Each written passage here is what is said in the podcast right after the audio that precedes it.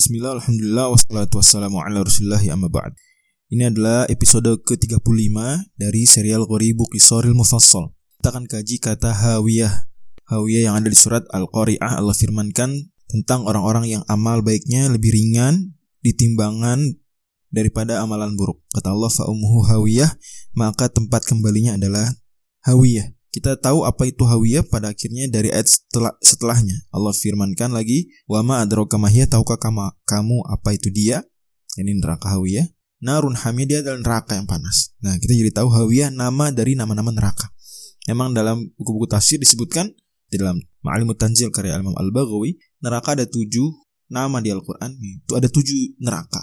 Neraka nggak cuma satu, tapi ada tujuh. Yang pertama Jahannam, Ladha, Hutama, Sa'ir, Sakor, Jahim dan yang ketujuh Hawiyah ini. Nah, adapun mengapa dia disebut Hawiyah itu pertanyaan. Masing-masing nama ada makna di dalamnya. Itu salah satu keunikan keunikan pembelajaran ilmu bahasa Arab yang lebih mendetail. Bahkan nama-nama yang murtajal pun bisa dicari hubungan artinya. Ya. Nah, kata Hawiyah itu isim fa'il, fa'ilah. Fi'ilnya adalah hawa yahwi artinya jatuh. Hawa yahwi huwiyan. Disebut demikian karena orang-orang jatuh ke neraka ini. Yang dilempar dari atas tinggi jatuh. Sebagaimana dalam beberapa hadis disyaratkan begitu caranya orang dimasukkan ke neraka jahanam salah satunya. Makanya tempat jatuh di ya, lembah yang rendah di antara dua gunung tinggi itu disebut mahwatun dalam bahasa Arab. Tempat jatuh.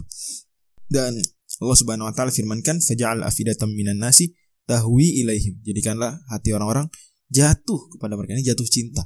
Uh, ini majaz kiasan seolah-olah tertarik seperti gravitasi tertarik. Dan memang tak ha wow dan ya juga punya makna cinta, tapi fiilnya adalah hawiya yahwa hawan mencintai.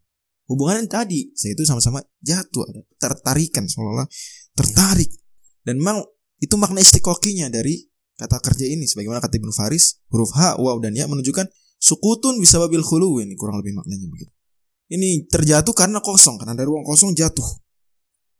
Allah Subhanahu wa taala firmankan misalnya di surat An-Najm, "Iya tabi'una illa dhanna wa ma tahwal anfus." Mereka hanya ikutin prasangka dan yang dicintai jiwa, dicintai dicintai nafsu. Tahwa, hawiya yahwa. Tadi kan tahwi. Dan itulah dari sini muncul kata hawa nafsu. Ya seolah-olah jadi kosong kemudian tarik ya pada sesuatu yang lain. Wallahu a'lam